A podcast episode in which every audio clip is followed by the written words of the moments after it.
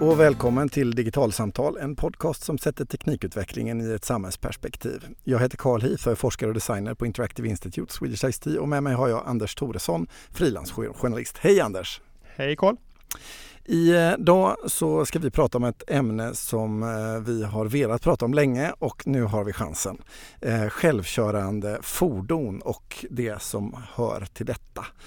Eh, och du har skrivit en del i närtid om ämnet vet jag och jag har nördat rätt mycket på området. Mm. Så eh, vi kastar oss eh, in i detta för eh, det blir risk att det kanske blir en smula längre än normalt. Vi har ju liksom i våran moderna fordonskultur haft en idé om självkörande fordon eh, egentligen jättelänge. Det finns bilder och idéer från från eh, 40 och 50-talet på liksom, eh, olika former av autonoma fordon.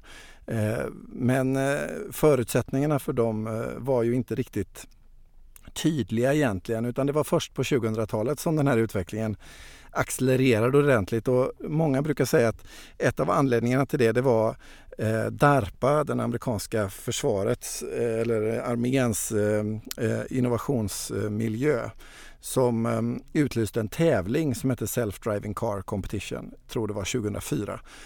Och eh, då var de här fordonen eh, eh, som ställde upp i tävlingen från olika universitet och företag och sådär rätt så dåliga kan man väl säga. Men de var tillräckligt bra och innovationshastigheten i den här miljön var tillräckligt bra för att mm, man skulle liksom börja nappa på det här och det utvecklades mer och mer och några av dem som var liksom väldigt tidigt ute på bollen i den kontexten var Google som ju sedan dess har jobbat vidare med sina autonoma fordon i eh, många olika former och sammanhang. Eh, och utvecklingen runt omkring och den traditionella fordonsindustrin har eh, också tagit tag i frågan om autonoma fordon rejält får man väl säga över senare år. Och här i Göteborg där jag sitter så är Volvo väldigt aktiva på området. Och det finns testarenor, Asta Zero här utanför i Borås som engagerar sig i de här frågorna och bygger upp miljöer för att pröva och testa bland annat autonoma fordon. Eh, så det händer verkligen mycket nu och i den här podden så kommer väl vårt fokus handla mycket på de här helt autonoma fordonen som vi ser framför oss. Inte så mycket Eh, den typen av autonom grad av autonomi som vi kan se i dagens fordon som i Tesla och andra fordon eh, som eh, erbjuder vissa liksom typer av eh, autonomitet eller vad vi kan kalla det för. Eller hur eh, Anders? Nej men precis, det, det finns ju eh, fordon som rullar på våra vägar redan idag som kan parkera själva eller med adaptiv farthållare som kan ta hand om rätt mycket landsvägskörning faktiskt på, på egen hand. Men, men det är inte det vi pratar om här utan det är det sista steget som, som eh, vi, vi, fokuserar på, nämligen fordon där, där vi kan släppa ratten och ägna oss åt någonting annat medan vi färdas från punkt A till punkt B. Och det första man får höra när man eh, pratar om autonoma fordon i, för grupper eller så som kanske inte tänkt eller funderat eller följt med utvecklingen eh, helt och hållet. Det är ju, åh oh, vad läskigt att sitta i ett fordon som är, kör sig självt. Eh, det kan ju inte rimligen vara säkert. Hur, var befinner sig utvecklingen just nu Anders? Ja, alltså utvecklingen befinner sig ju där att till exempel så ska Volvo eh, under nästa år eh, släppa ut ett antal självkörande bilar, eh, drygt 100 tror jag det är, på eh, vägar runt om i Göteborg och låta de här möta vanliga mänskliga förare för första gången. Och eh, jag tycker att det ser väl bra ut. Jag, jag hör till de som är, känner mig rätt övertygad om att i slutänden så kommer det här leda till betydligt färre trafikolyckor, eh, färre dödsolyckor på våra vägar än när det är vi människor som sitter bakom ratten. Och det finns flera anledningar till det här. Att, att en dator kommer inte kunna bli full. Den kommer inte bli trött. Den kommer inte bli arg på de skrikiga barnen som sitter i baksätet.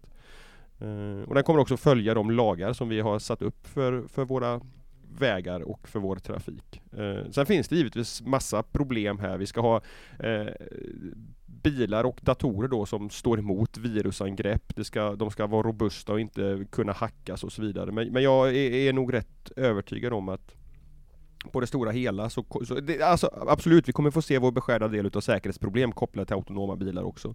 Men, men när man summerar det så tror jag att det kommer leda till att vi har en säkrare trafikmiljö än vad vi har idag. Och man kan ju se det lite granna i den eh, statistik och data som vi redan har. Eh, Google har ju eh, varit ganska tydliga och öppna med sin statistik i sin testmiljö med sina autonoma fordon. Och det de presenterade nu i ett föredrag på South by Southwest för några veckor sedan det var att de har kört, om jag inte minns helt fel, 1,4 miljoner miles med sina autonoma fordon. Och de har haft en incident eh, som man kan hänföra till själva fordonet. Eh, och det var en krock i en korsning eh, där fordonet valde att köra samtidigt som en buss körde förbi eh, i två miles per hour. Det var ingen som kom till skada och inget eh, annat än eh, lite fordonsskrynkel eh, på sidan. Men det var ändå en allvarlig incident för Google eftersom det var den första incidenten av sitt slag. Eh, och eh, föranledde till ganska mycket utforskande för dem. Det var en ganska intressant historia. Men det verkar ju som sagt, på att, av den data vi har idag så talar allting för att de här autonoma fordonen över tid eh, har en väldigt hög sannolikhet att bli mera säkra än mänskliga förare. Och det som jag också, nu har inte jag sett på den här dragningen från, från South by Southwest, men, men det, det, jag har läst tidigare talar ju också för, för att det blir säkrare, därför att de incidenter som autonoma fordon, Googles och andra, har varit inblandade i så här långt, de handlar väldigt mycket om att de har mött en människa i trafiken som inte följer eh, eh hastighetsbegränsningen till exempel. Och då uppstår ett problem i mötet mellan en väldigt laglydig autonom bil och en människa som kör på ett mer oberäkneligt sätt. Ett exempel på det du pratar om eh, kring eh, människor i trafiken det är ju att Google när de har jobbat med eh, sitt projekt har upptäckt en mängd udda beteenden i trafiken. För precis som du är inne på så är, verkar det vara så att det är liksom omgivningen och omgivningens föränderlighet som är utmaningarna för fordonet, det autonoma fordonet, eller en av de viktiga utmaningarna. Och några saker som Googles algoritmer i sina autonoma fordon numera tar hänsyn till det är till exempel ett scenario som de råkade ut som såg helt märkligt ut men där det var en kvinna som kommer åkandes ut i en väg på en permobil med en kvast i handen jagandes en anka runt omkring på tvärsen över vägen. Och det är klart att den typen av situation är det ju inte supervanligt att man råkar ut för. Eh, men vad som är intressant här det är ju att när Google-fordonet har hittat eller råkat ut för det här en gång, då blir ju så att säga alla fordonen i samma ekosystem rustade med samma kompetens på något sätt. Därför att de här fordonen kommer dela kodbas eh, och därmed kunskap om trafik med varandra. Så vad är det som behövs i ett autonomt fordon för att liksom, eh, och i ekosystemet omkring det för att det här ska funka Anders? Alltså om, om vi ska prata teknik, vilket jag antar att det är det, det som du är ute efter här, så, så i, alltså i, i botten här så måste ju fordonen utrustas dels med sensorer som håller koll på, samlar in data om vad som finns runt omkring. Det kommer vara kameror, det kommer vara radar, det kommer vara andra tekniker för att, för att bilen ska kunna börja bygga upp en bild av sin omgivning. Det kommer också handla om kommunikation, både med andra fordon, men kanske också i viss utsträckning eh, kommunikation med infrastrukturen, vägen som sådan, för att få reda på saker om eh, temperatur på vägbanan kanske, eller hur, hur många bilar som väntar runt hörnet och, och, och massa sådana här saker. Så det, det, handlar om att, att i första läget samla in så mycket information som möjligt om vad som händer i omgivningen. Eh, och nästa sak, det handlar ju om att sen ha algoritmer, datamodeller som tolkar den här informationen och utifrån den fatta beslut om hur fordonet ska agera. Um, och, och, här finns ju då det här som, som, du, som du är inne på att när, när en ett fordon har lärt sig någonting så kommer den kunskapen då kunna dela med sig med andra. Du, du pratar någonting om att man har, har börjat gå ifrån det här med eh, ett regelbaserat system, att om fordonet ser ett, objekt av den här typen så ska det agera på det här sättet. Kan, kan... Ja, alltså gå ifrån gör man väl kanske inte, men däremot så använder man sig av många olika sätt för att bilarna ska lära sig saker och ting. Och en teknik eh, för att åstadkomma Eh, bra eh, autonoma fordon det är att helt enkelt låta fordonen vara självlärande och förstå av situationer som den råkar ut för vad som är det så att säga normala vardagliga optimala beteendet. Eh, så att den så att säga lär sig eh, av sig självt för varje kilometer som fordonet kör och upptäcker nya situationer, hanterar dem och lär sig av dem. Så man, var, man blandar många olika sätt för att lära den här eh, fordonsteknologin, hur den ska bli en god förare. Men, men eh, i grunden kan man säga att den blandar väldigt många olika typer av, av teknologier. Det är så jag har förstått mm. att de flesta utvecklare men, men, när man har de här eh, sensorerna och den här datainsamlingen på plats, man har de här algoritmerna som fattar beslut, så, så är ju liksom den sista utmaningen här att sätta ihop allt det här till en helhet, till ett system som fungerar och för bilen till den plats det ska. Och, och att den gör det, både under optimala förutsättningar med vackert väder, eh, fungerande datakommunikation, eh, bra väglag och så vidare, men också i mer problematiska situationer som kan vara allt från ett fruktansvärt oväder eh, till ett systembortfall där någonting i bilen slutar fungera eller faktiskt ett hacker eh, angrepp. Att, att bilen måste kunna hantera de här icke-optimala situationerna på ett väldigt säkert sätt. Också. Absolut. Och, och, här jobbar alla de här eh, eh tillverkarna av autonoma fordon med alla de här utmaningarna. Och, och det man kan säga det är ju att en sån här viktig sak det är ju att inte förlita sig på ett enskilt eh, sensorsystem till exempel. Vissa mm. system som man kanske tänker sig intuitivt att men det använder de väl rimligen som till exempel GPS har visat sig vara så pass eh, icke-exakt att man använder GPS väldigt lite i sådana här autonoma system utan använder sig av laser och foto och andra typer av tekniker eh, som funkar betydligt bättre. Eh, men, men och vad gäller hackerattacker så jobbar man när man utvecklar sådana här autonoma system med att just liksom separera olika typer av fordonens system från varandra för att minimera eh, eh olika typer av eh, risker som kan eh, tänkas uppstå. För vi har ju eh, sett exempel på, bland annat förra sommaren tror jag det var, när det var eh, amerikanska magasinet Wired skrev om ett angrepp mot en Jeep, har jag för mig att det var. Som gick, som gick via bilens underhållningssystem. Men när man väl hade tagit kontroll över underhållningssystemet så var det ihoplänkat med styrsystemet som gjorde det möjligt för angriparna att stänga av bilens motor när den var på en motorväg.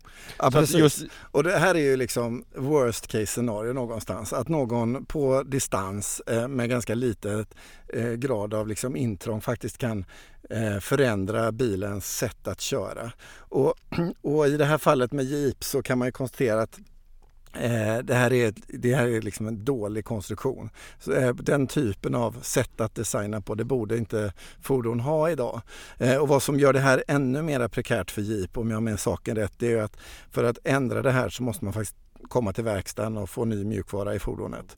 Eh, och eh, det är ju långt ifrån alla Jeep-förare eh, som kommer göra det eh, rimligen.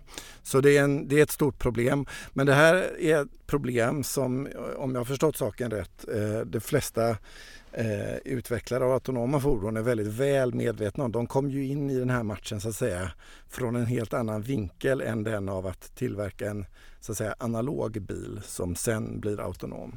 Mm. Uh, en, en, liknelse som ligger nära till hands, eller en, en, fundering som ligger nära till hands, det är att vi har haft flygplan som flyger på autopilot i väldigt många år. Och hur, alltså hur, hur ser utmaningen då att göra ett, en autopilot till en bil ut i jämförelse? Och jag, jag har ställt den här frågan vid ett antal olika tillfällen när jag har gjort intervjuer. Och det, det, det finns um, givetvis väldigt stora skillnader. Alltså likheten är att du har ett, ett mekaniskt fordon som ska tas från plats A till plats B. Men där ett flygplan eh, har den fördelen utav att det existerar i en miljö där det förhoppningsvis inte eh, normalt sett inte finns någon risk för oförutsäg, oförutsägbara händelser på samma sätt som för en bil. Det finns, du kan inte springa ut ett lekande barn i vägen för ett flygplan eller du kan inte plötsligt ja, men, få, få, få ett stort hål i vägbanan och, och, och sådana saker. Du kan få luftgropar och så vidare förvisso. Men, men det, det är ändå en mer kontrollerbar miljö jämfört med en, eh, en, en väg, vilket gör det till en något enklare utmaning då eh, att, att göra en autopilot för ett flygplan. Å andra sidan så har eh, bilen den fördelen att när det uppstår ett problem som autopiloten inte kan hantera, då kan bilen till skillnad från flygplanet helt enkelt vara utvecklat så att det försöker stanna på ett så säkert sätt som möjligt vid vägrenen. En långsam fin inbromsning på ett sätt som ett flygplan inte kan göra. Eh, och, och det, det, det, det, är ett sätt då som, som en, en del fordonstillverkare säger att de kommer lösa de här oförutsägbara händelserna på. Att, att helt enkelt komma till ett säkert stopp. Verkar det som att vi inte kan lösa den här situationen på något annat sätt så stannar vi lugnt och försiktigt vid sidan av vägen. Och eh, just det här att liksom fundera över liksom utmaningar som kan tänkas hända och jämförelsen med till exempel flygplan är någonstans intressant. Eh, men, men det som gör det hela säga, mer komplext och som man har sett till exempel i fallet med Tesla här nyligen, det är ju vad som händer med den här gradvisa ökningen av autonomitet eller vad vi kallar det för eh, i fordon. För i exemplet med Tesla så för inte alls länge sedan så öppnade Tesla upp för en beta av sin mjukvara och lät helt plötsligt alla sina Tesla Model S eh, kunna köra eh, mer autonomt på landsväg.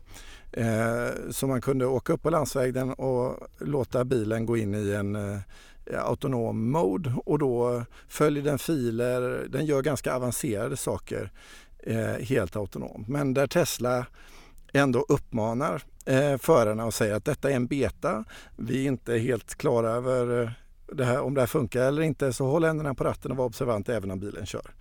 Eh, men vad man ser det är att de som kör bilen, de relaxar i allra högsta grad mer och mer. Och samma erfarenhet har Google av sitt system. De lät en mängd Google-anställda eh, använda deras autonoma fordon till och från jobbet under en period eh, och köra omkring mig i vardagen och sådär. Och precis som eh, Tesla gjorde så sa de att liksom, var observanta, det är inte så att det här är liksom klart eller så utan det är ett, en work in progress och en beta. Men, och de filmade sina eh, anställda när de körde och kunde se en mängd märkliga beteenden i bilen som att liksom föraren eh, eh plockar fram sin dator ur baksätet eller skruvar tillbaka stolen och lutar sig och relaxar när den kör på motorvägen eller vad det kan vara för någonting. Så att eh, det blir uppenbart att liksom när man får ett fordon med en väldigt hög grad av autonoma funktioner så blir man själv väldigt avslappnad som förare. Eh, så det finns någonstans en eh, situation där vi står inför ett val att liksom släppa ratten helt och hållet eller till exempel bara helt och hållet bygga bort ratten eh, som Google har gjort med några av sina prototypfordon där du helt enkelt bara har en start och stoppknapp eller en så här, in case of emergency-knapp och inga andra kontroller överhuvudtaget. Just för att Ehm, i, i den här mellanrumssituationen där man uppmanar föraren att vara aktiv men där för, fordonet gör 99 procent av jobbet Eh, så kan vi inte förvänta oss av oss människor att vi faktiskt beter oss på det viset. Nej, och jag vet att här finns det också fordonstillverkare som har tittat på just autopiloter i, i flygplan och vad som händer där. Där, där. där, finns det ett begrepp hos piloter att de ska kunna flyga med rumpan. Och med det innebär att man ska ha en, en ryggradsreflex för att veta hur man ska, om flygplanet beter sig på det här sättet, vad måste jag som pilot göra för att flygplanet fortfarande ska flyga på ett säkert sätt?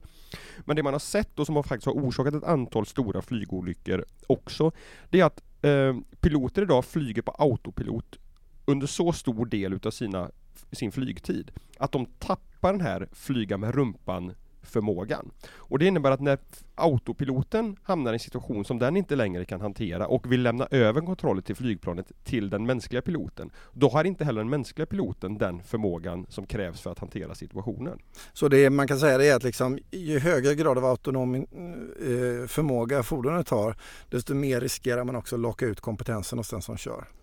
Ja men precis, och det, och det här är någonting då som fordonstillverkarna är väl medvetna om. Och eh, som jag sa förut, en, en, modern bil idag som är topputrustad med all den tekniken som finns, den, den kan man faktiskt släppa ratten vid redan idag, även om det inte är tänkt att man ska kunna göra så. Men eh, det, det, man då tänker sig att, att, man, att, nästa steg ska vara, det ska inte vara att man ska behöva hålla i ratten kanske en gång per dag eller en gång i månaden, utan just som du säger, ta klivet från att hålla i ratten då och då eh, till att aldrig behöva hålla i ratten. För att man ska kunna vara säker på att, att eh, den som håller i ratten ska kunna hantera situationen och det kan inte människan göra om man bara styr bilen var sjätte vecka, var sjätte månad. Om vi tänker oss att eh, de här utvecklarna av autonoma fordon kommer till den nivån som de själva förväntar sig också ska man säga. Där eh, vi inte har Eh, förare i fordonen utan vi har fordon av olika slag som eh, på eget bevåg eh, kör omkring i trafiken och löser olika typer av transportutmaningar. Vare sig det handlar om godstransporter eller eh, att köra människor eh, eller vad det kan vara för någonting. Eh, så känns ju det liksom på ett plan rätt så långt borta. Men samtidigt så ser vi att det finns ju faktiskt exempel på det här eh, som börjar dyka upp eh, redan idag. Vi har dels eh, de här fordonen från Google som jag pratade om, deras små eh, campusbilar som kör omkring på Googles område i Kalifornien eh, och eh, lämnar och hämtar folk och så vidare. Men det finns också andra exempel. Eh, I Nederländerna så är man på gång att ha en autonom busslinje eh, med små minibussar som kör Eh, i olika håll och kanter i Nederländerna. Och i Nya Zeeland så har eh, pizzeriaföretaget, eller pizzaföretaget Domino's eh, gått ut och sagt att de eh, lanserar en liten bot som kommer att köra pizzor till eh, kunder ifrån pizzerian i närområden för att slippa ha budbilar och eh, har långt gångna planer på den typen av fordon. Så det börjar hända saker och ting eh, inom det här området. Och vad jag då tänker det är att eh, när fordonet inte längre är fordon så som vi ser dem idag så förändras ju väldigt mycket av vårt väldigt bilcentriska samhälle. Eh, och jag tänkte vi skulle ägna lite mer tid Anders åt att klura lite grann mm. på vad det skulle kunna vara för någonting. Eh, vad, vad ser du som stora förändra, förändringar i, i eh, hur vi Eh, rör oss i samhället som en konsekvens av införandet av autonoma fordon?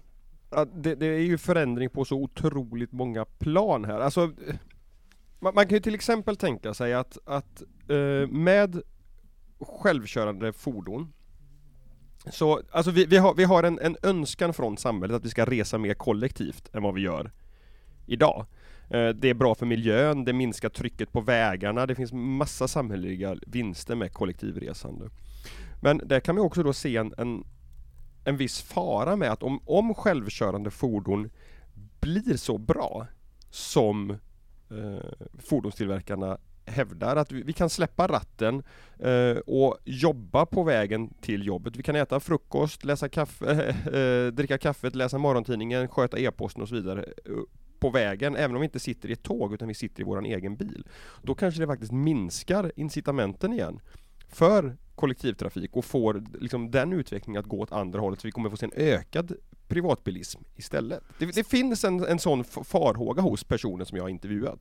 Samtidigt så kan man ju liksom vidga det begreppet lite grann och tänka så här att alltså normalt sett om, om man äger en, en bil så den absolut största delen av bilens liv står den still på en parkeringsplats eller i ett garage. I USA vet jag att det går fyra parkeringsplatser per fordon.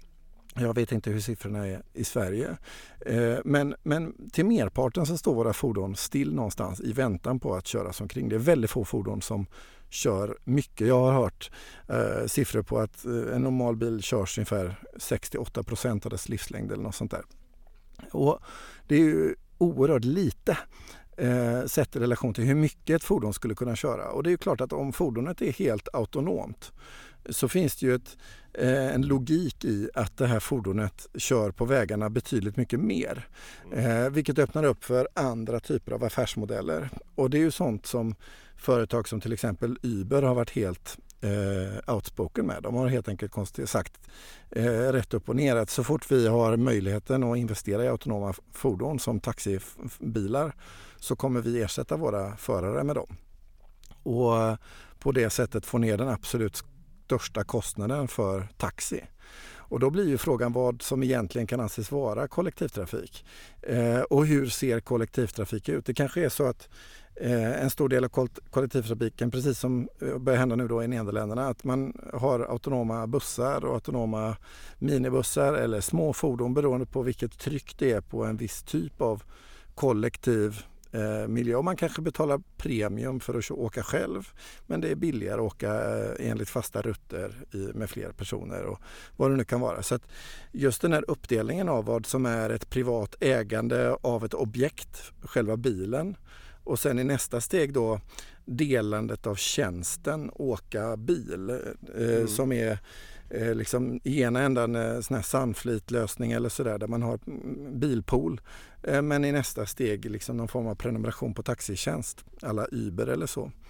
Och eh, det liksom blir ju liksom en annan typ av gråskala. Så jag kan tänka mig att just begreppet kollektivtrafik i en helt autonom kontext ser, ser verkligen annorlunda ut. Ja men det, det tror jag också. Jag, i det här projektet som jag nämnde där Volvo ska släppa ut eh, bilar i Göteborg eh, under nästa år, det, det, heter Drive Me och Göteborgs stad är en av aktörerna där. Och de, de tittar ju på det här väldigt mycket utifrån ett, ett samhällsperspektiv. Vilka, vilka konsekvenser kan autonoma fordon få på på, på samhällsplaneringen och samhällsutvecklingen. Och, och, just det här med kollektivtrafiken är ju en sån sak. Och de, de pratar om att man kan ha Eh, de här autonoma fordonen ute i det kapillära systemet som de kallar det för. Där, långt ut i, eh, i ja, Göteborgsregionen där det inte är så många som reser.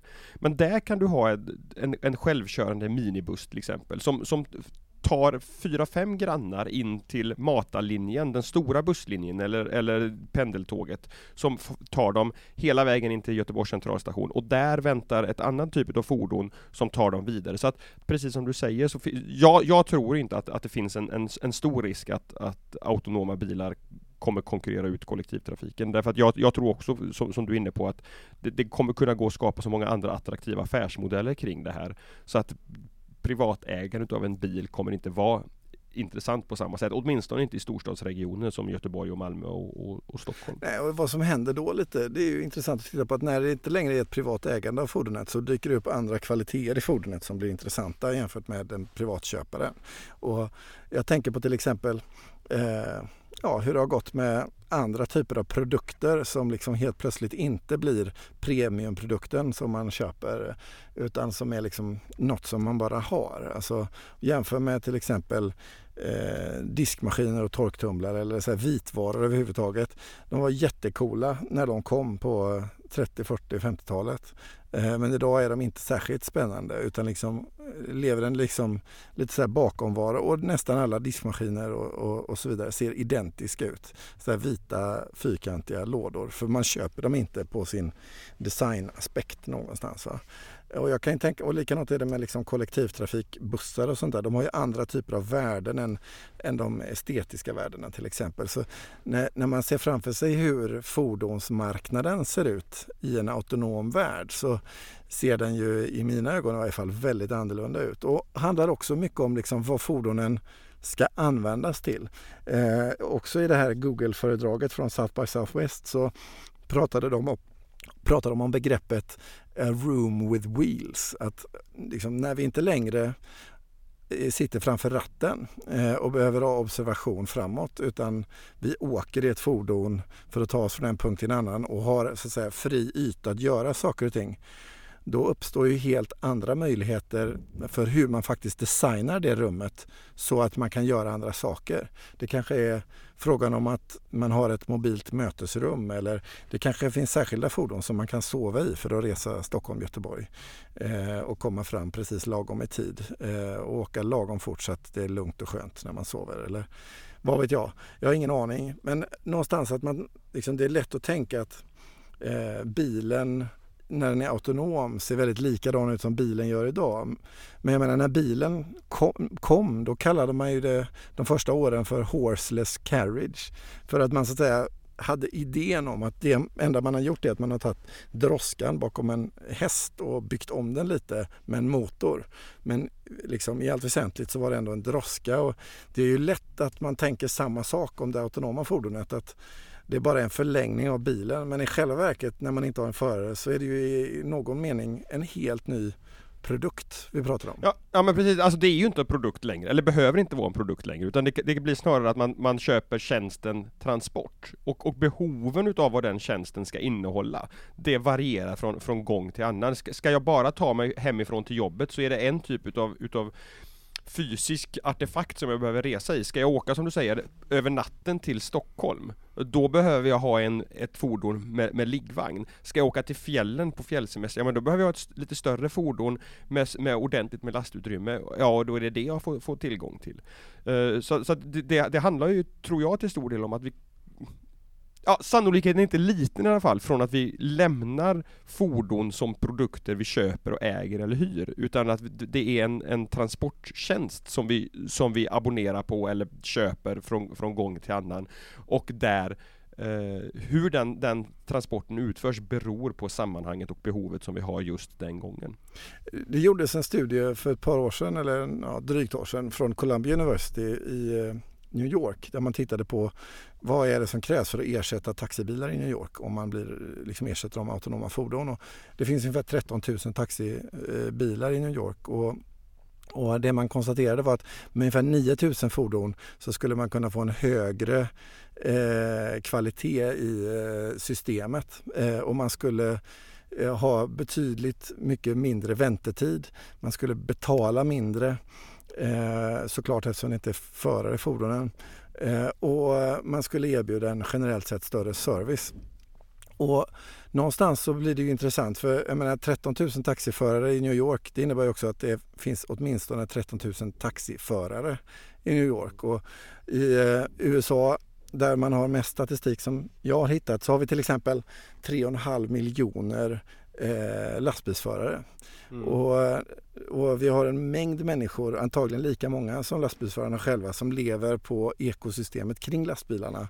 Eh, allt ifrån eh, motell till eh, bensinmackar och så vidare. Det är ju också en förändring när man skapar autonoma system. Det är ju helt enkelt att det är stora delar av eh, Eh, befintliga arbetsmarknader som kommer stå inför en väldigt stor förändring. Och eh, min fråga till dig Anders, den är lite grann att om det nu är så att Volvo introducerar 100 självkörande fordon i Göteborg om ett år eh, vi har de här testen som pågår i Kalifornien och på många andra ställen. När tror du vi ser en bilflotta som är till merparten autonom? Eh, ingen aning. Jag, jag har faktiskt inte ens en gissning på, på, på, på det. Faktiskt. Jag, jag, jag, tror kanske att det går, går, går snabbare än, än vad vi kanske föreställer oss. Jag, så här, jag, jag har eh, en dotter som är 10 och en son som är 7. Jag är inte helt övertygad om att de kommer, kommer äga en bil någon gång i alla fall om man säger så. Um, men, men på tio års sikt så tror jag att det har hunnit hända, hända väldigt mycket. Men, men det, det, det som du är inne på här, eh, jag ska låta dig svara på den frågan alldeles strax, för du kanske också har tankar om det. Men, men du, du, du tangerar lastbilar säger du. Det vi har pratat om hittills handlar ju väldigt mycket om privatbilismen. Men det finns ju också otroligt mycket att hämta på, på den kommersiella sidan här. Eh, yrkestrafiken. Eh, mm, de stora lastbilstillverkarna, alltså det här med konvojkörning är någonting som har funnits länge i, i eh, logistik branschen till exempel. Att, att man kör väldigt nära varandra för att eh, minska luftmotståndet och dra nytta utav utav eh, minskad bränsleförbrukning och så vidare. Och här kan givetvis en, en, ett, ett, en självkörande lastbil bidra med väldigt mycket. Därför att de kan köra ännu tajtare på, på, varandra. De kan vara bättre på att hålla rätt avstånd till varandra och det finns massa sådana eh, vinster att göra på det här. Men det kräver också att man gör, eh, hittar nya affärsmodeller där man kan kanske dela den här vinsten med den här minskade eh, bränsleförbrukningen mellan flera olika åkerier. För att det är inte säkert att alla lastbilarna i samma konvoj hör till samma åkare. Eh, det kommer också kanske ställa helt nya krav på hur vi utformar våra motorvägar där vi idag är, är vana vid att filen längst till vänster, det är den filen som vi kör snabbast i och sen så kör man lite långsammare till höger. Det kanske kan bli så att den filen som är längst till vänster, det är den filen där man ska köra riktigt långt i så att man kan ha de här konvojerna eh, och eh, de kan köra där utan att bli störda. Det, det, det finns de som, som argumenterar för att så bör bör utvecklingen se ut? Ja, och det görs inom just det området så finns det andra teknikutvecklingar som liksom angränsar till de autonoma fordonen som talar mycket för det du pratar om nu. Och ett sånt handlar om elfordon. Eh, I eh, Gävle så testar man nu elvägar i trafiken för tyngre fordon. Alltså eh, vägar som eh, hjälper till att hålla ett eh, fordon eh, igång med att ge det strömförsörjning. Eh, lite som de gamla trådbussarna fast med helt nya eh, former och förutsättningar. Eh, och I det här fallet handlar det just om tung godstrafik man primärt siktar in sig på. Eh, och någonstans så, om alla de här eh, parallella utvecklingsspåren eh, fortgår så har vi att se fram emot en väldigt annorlunda typ av transportmiljö och inte minst urbana miljöer tänker jag också. För jag menar om man tittar på hur en stadskärna ser ut och behovet av parkering i en sån miljö. Och vi tänker oss att vi ersätter väldigt mycket av den med annan typ av urbant innehåll så står vi inför ett jättestort stadsutvecklingsprojekt som en konsekvens av autonoma fordon. Jo men så, så, som, som vi pratade om att, att om, om vi nu inte äger bilarna eh, utan vi, vi, vi köper dem som tjänst, då kommer bilarna behöva stå still på en parkeringsplats mycket mindre Eh, del utav sin tid. Vilket innebär att behovet utav parkeringsplatser minskar. Dessutom är det så att de parkeringsplatserna som finns, de kommer kunna vara mycket tajtare därför att en autonom bil kommer vara bättre på att göra en fickparkering än vad jag är i alla fall. Uh, och, och, därmed så, så, kommer du få plats med fler parkerade bilar på samma yta. Allt det här innebär att vi kan få mer markyta i städerna som går att använda till någonting annat än parkering till exempel. Och, och det här är ju jättespännande som uh, utvecklare på, i, i, landets kommuner att, att fundera på hur, hur hur ska vi planera våra infrastrukturprojekt som vi gör nu? För att de ska vara relevanta under ett, an, under ett antal år framöver. Alltså för här, här tycker jag det finns en intressant spänning också med tanke på att Alltså infrastruktur, det är någonting som man bygger och som ska finnas under väldigt lång tid medan vi har ett, en teknikutveckling som går väldigt, väldigt mycket snabbare. Så att jag tänker att här, här ställs det stora krav på de som sitter Eh, och planerar eh, svensk eh, infrastruktur på alla olika nivåer att, att hänga med i den här teknikutvecklingen och, och, se vilka möjligheter och problem som den för med sig. Det pågår ju utveckling eh, också inom ett annat område som är angeläget och det är juridiken såklart. Eh, hur ser det ut med ansvar och så vidare i ett autonomt fordonssystem jämfört med i de system vi känner idag. Det är också stora frågor. Eh, kopplat också till, eh, till eh, de här mera liksom samhälleliga effekterna av de här systemen. Och både vad gäller liksom de mera eh, stadsutvecklingsorienterade processerna och de juridiska processerna och, och så vidare så, så uppstår det ju, precis som du är inne på, en slags liksom skifte där de här liksom vardagliga tidscyklerna man tänker om när det gäller infrastruktur helt plötsligt sätts lite på ända.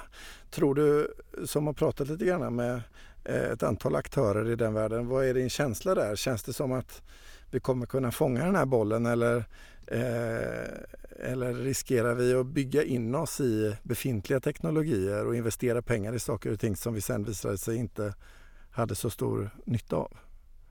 Är ju jättesvårt att svara på givetvis men, men de, de, de, de intervjuer jag har gjort gör mig i alla fall ganska hoppfull över att, att det finns en medvetenhet om, om hur, hur teknikutvecklingen ser ut och, och att man är på tårna för att hantera det här på ett så bra sätt som möjligt. Och juridiken är ju ett sådant intressant område därför att eh, det, det kanske blir svårare framöver att, att, att ha sitt eget lands lagar därför att du kommer ha bilar som tillverkas för att säljas på olika marknader och du kan inte förvänta dig att, att kanske i alla fall att, att de ska automatiskt uppdatera sin mjukvara när de passerar mellan Sverige och Norge och, och i Sverige köra enligt svenska eh, lagar och regler och sen i, i, i Norge köra enligt de eh, regler som gäller där.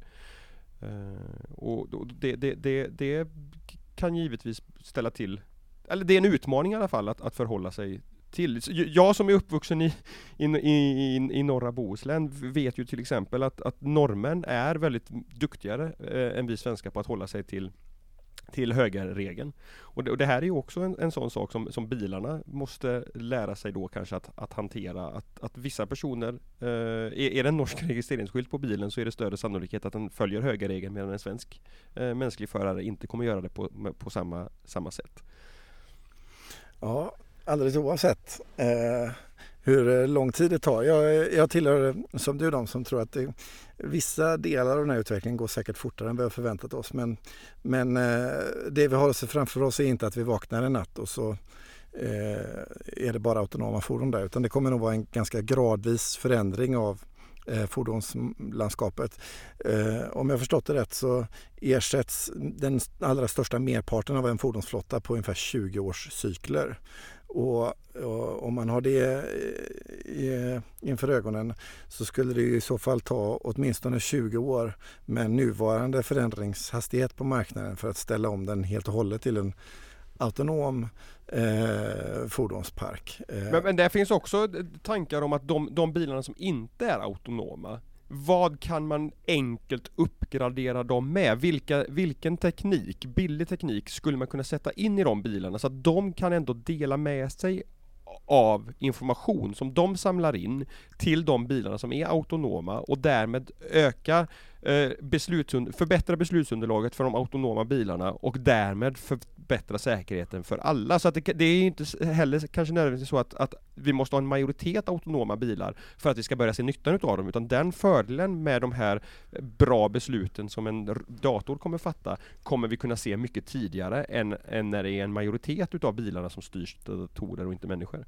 Ja visst, absolut. Och det kan ju också vara så att det kan vara andra faktorer som gör att det går fortare. Med ett sådant exempel är ju att vi kan ju se redan nu på eh, Tesla igen som ett intressant exempel för där sker mjukvaruuppdateringar distribuerat och över nätet. Så att jag kan vakna en morgon och få ett eh, meddelande från Tesla att nu har vi förändrat eh, mjukvaran i din bil som gör det möjligt för dig att också kunna köra på det här sättet eller du har tillgång till den här funktionen. Och eh, så länge hårdvarusensorerna finns på de här fordonen så är det ju en fråga för att utveckla själva koden i dem som gör det möjligt för dem att bli helt autonoma. Så det kan ju vara så att eh, man får ett erbjudande även om man har en äldre bil vid något tillfälle om jag vill göra den helt autonom eh, och att jag i så fall bara så att säga slår på den switchen i, i eh, mjukvaran.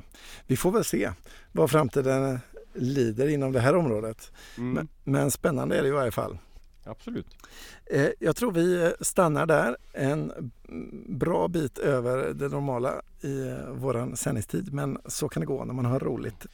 Men det här är dagens podcast slut. Eh, hör gärna av er med kommentarer, tankar och funderingar i Facebookgruppen Digital samhällskunskap. Och har ni en fråga till oss så tveka inte att höra av er. Det går jättebra att skicka frågor på mail och då är vi på podcast.digitalsamtal.se. På Twitter finns vi på digitalsamtal och om det är så att ni prenumererar på oss i iTunes eller någon annan eh, prenumerationstjänst så får ni jättegärna ratea oss och skriva kommentarer och sådär. För ju mer ni gör det desto mer hamnar vi på sökresultat sökresultatens topplistor och ju fler hittar till oss och får möjlighet att lyssna på oss. Dessutom är det ju så att som ni kanske har lagt märke till så har vi börjat göra intervjuer här och vi har en lång lista med personer som vi hoppas kunna bjuda in som gäster i podcasten framöver. Men där tar vi också jättegärna emot förslag på andra personer som ni tycker skulle vara intressant att höra prata i digitalsamtal. Ja, absolut. Men till nästa gång, hej då! Hej då!